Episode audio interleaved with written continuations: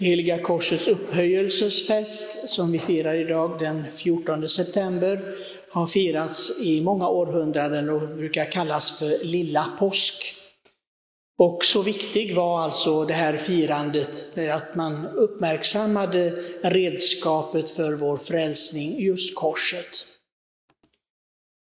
Den heliga eh, Helena, kejsar Konstantins moder, hon var ju ivrig att söka efter reliker och det är kanske tack vare det som också vi har en korsrelik här i vår kyrka. Det finns många små fragment som är spridda över världen sedan dess. Hon gav sig inte, hon ville ha så att säga, särskilt relikerna från pinoredskapen för Herrens lidande och död. Som en påminnelse just om eh, att vi är frälsta genom Kristi lidande. Hans mänskliga undergång kan man säga. För det är någonting som inte vi söker. Det finns ingen människa som söker lidandet egentligen. En frisk människa söker inte det. Och ska inte göra det heller. Men vi ser här att Herren ger en annan dimension på livet. Vi idag, vi är så vana vid att man ska göra allt för att bevara sig själv så ungdomlig som möjligt, så frisk som möjligt, ja, så glad som möjligt. Det är det enda nästan som räknas i vårt samhälle.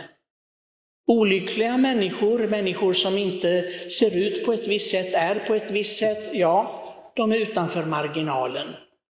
Det är losers. Det är de som egentligen inte räknas, som har misslyckats med sina liv. Och vi vet att det är väldigt många som har stämplat sig själva genom detta. Men Kristus kom för över 2000 år sedan med en helt annan så att säga, prägel på livet. Vad det är som gällde. Och det är därför också som vi tycker kanske idag, åh vad hemskt när någon dör vid 30-årsåldern till exempel. Ja, det är ju många som dör tidigare också. Men Jesus, som det var bestämt av Fadern, han skulle dö på höjdpunkten av sitt liv, som han säger är vid 30 års ålder. Inte sträva efter ett långt liv.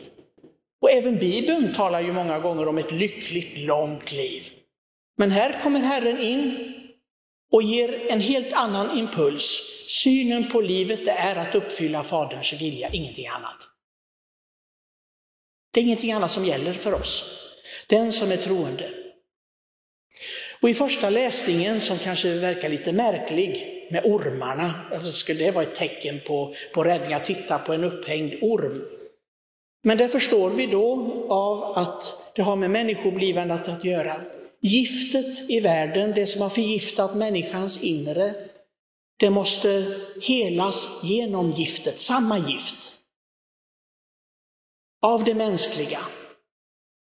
Och det är Herren själv som tar på sig det mänskliga, men är helandet genom sin lydnad. För vad var det som var giftet i de här människorna? Ingen av dem, står det, fick se uppfyllandet av Herrens löften, därför att de klagade och knotade, var missnöjda. Ett av de farligaste andliga misslyckanden som finns. Att vi är missnöjda med Herren, med vad han vill. Det är så farligt att det är liksom djävulskt gift. Och det är tyvärr många utav även de kristna troende liksom har det här giftet inom sig på ett eller annat sätt. En människa som tycker sig vara missnöjd eller eh, misslyckad med livet och så, har just fått det här stunget liksom av fienden, ormen som är Satan, djävulen. Och vi är tvungna att se upp på korset på den som har blivit stungen helt och hållet. Hans liv raserades genom människors hat, men samtidigt upphöjt genom att leva Faderns vilja. Och det är honom vi måste se till. Se till Herrens liv. Se vad det ledde fram till, som Paulus uttrycker det.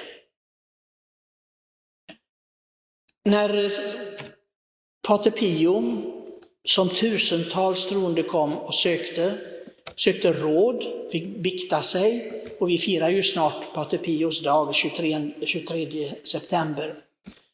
Så när människor kom och beklagade sig över sina liv, hur ledsna de var, hur bedrövade de var, så sa han till dem, och det tyckte de var underligt i början, men sen vande de sig, för de visste att han sa så till alla. Du ska vara glad att du får lida här. Var glad att du får gå igenom det här. Var tacksam för Gud att han låter dig gå igenom det här nu, så du slipper lidandet efteråt. Acceptera lidandet, ge det till Gud, så slipper du lidandet efter döden. Det lovade Pater Pio. Jag vet inte hur många som lyssnade på honom. Jag har känt en riktig andlig dotter till Pater Pio, en italienska, en stor kraftig dam som berättade för mig hur det gick till. Och hon sa hon höll på nästan att få hjärtinfarkt när hon gick till bikt hos Pater Pio. Han var tuff, sa hon. Men det hade jag behov av. Och hon talade just om det här att en av de viktigaste undervisningarna Pater Pio hade, han som själv hade gått igenom till och med blev förföljd av kyrkans företrädare, att vara förföljd av biskopar och präster, det hade Pater Pio gått igenom. Att han inte fick offentligt fira mässan till exempel, var förbjuden detta, var inlåst. Men han sa, lidandet för den som tror på Kristus är en välsignelse. Det formar oss naturligtvis, men om vi låter det forma oss rätt, då blir vi heliga, då blir vi allt mer Kristuslika.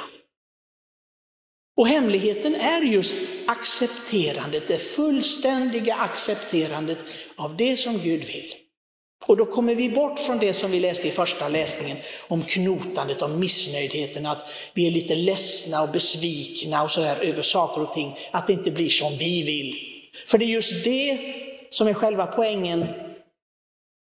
Är det någonting som djävulen vill, motståndaren till vår själ, det är att vi vill driva vår vilja igenom. Det, livet ska vara som vi vill, som vi önskar, som vi längtar efter. Och där har Gud ingen plats egentligen. Vi kanske tycker det att Gud har plats och vi går i kyrkan och vi ber våra böner och vi verkar fromma. Men på den viktigaste punkten, och det är korset, därför har vi ingen gemenskap med Kristus eftersom vi är besvikna på livet. Vi, det, vi tycker inte att det är som det ska vara. Och då är det inte en fulländad kristen tro, det vill säga en gemenskap med Kristus där vi har den här vänskapen med honom och stiger upp på korset. Den här festen som vi firar då man i Jerusalem på 300-talet visade reliker av det heliga korset, precis som vi gör här idag. Det var meningen att folk skulle förstå att vi också måste stiga upp till den och leva samma liv som Kristus. Att gå upp på korset, det är inga fromma böner eller andakter egentligen, utan det handlar om vår insikt om vad livet är. Att jag ska förstå, jag som är troende ska förstå att Herren har lagt ut, satt ut det på vägen som jag måste gå igenom. Det som han vill i mitt liv. Och det är den enda vägen för mig. Det kan tyckas att det är ett tungt kors ibland, och visst är det det. Och för många när man ser det, ibland träffar jag människor jag tycker att det är orimliga kors de bär. Men om det är Herrens vilja, och jag vet också, för det säger helgonen, de stora helgonen talar om detta, ju fler lidanden en troende bär, desto mer förtroende har Gud för dig. Det kan vara svårt att att tänka sig att det är på det viset. Men jag brukar ju citera den heliga Teresa av Avila, som klagade när hon tyckte att det var för mycket en gång. Då sa hon, Herre, är det så här du ska behandla dina vänner? Och Jesus svarar henne, för hon var ju en kontemplativ människa som kunde lyssna till Herren, det är precis så jag behandlar mina vänner. Och Teresa av Avila med sin ironi säger, inte undra på Herre att du har så få vänner. Herren har få vänner. Det är ytterst få troende som vill bära korset helt och fullt utan att beklaga sig. För det är svårt. Då måste man stå Herren mycket, mycket nära. Då måste man vara väldigt nära vän till honom. för att förstå honom och lyssna noga till hans hjärta. Men det är det vi vill. Även om det är få som gör det, men det är värt, det är värt detta. Att sen i evigheten få höra, du har varit en trogen tjänare, du har varit en trogen vän. Du har burit korset med mig. Du har inte beklagat dig. Du har tagit livet exakt så som jag ville att du skulle leva det. Må Herren ge oss denna nåd, för det behövs mycket helig ande för att klara av det. Det finns så mycket som vill slita oss från den stigen, för det är en smal, smal, smal stig. Detta med accepterandet av Guds vilja. Men för den som vill gå helighetens väg så finns det ingen annan stig att gå.